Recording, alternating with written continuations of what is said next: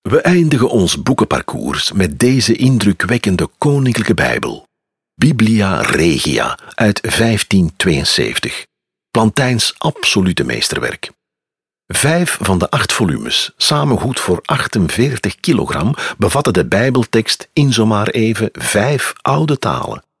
Vandaar ook de andere naam van dit titanenwerk, de Biblia Polyglotta, veeltalige Bijbel. Drie van de acht delen brengen aantekeningen en commentaren bij de tekst. Plantijn kan dit realiseren met de financiële steun van koning Philips II. Die stuurt zelfs zijn persoonlijke biechtvader, de theoloog Benedictus Arias Montanus, om het werk te coördineren, vijf jaar lang, elf uur per dag. Aan de Bijbel werkte een team van tophumanisten en taalkundigen. Met de Biblia Regia zet Plantijn zijn naam onuitwisbaar op de kaart. Hij wordt aartsdrukker van de Spaanse koning.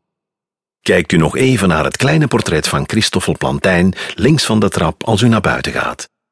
Dit huis is het levenswerk van deze Antwerpse Fransman en zijn nakomelingen hebben het voortgezet.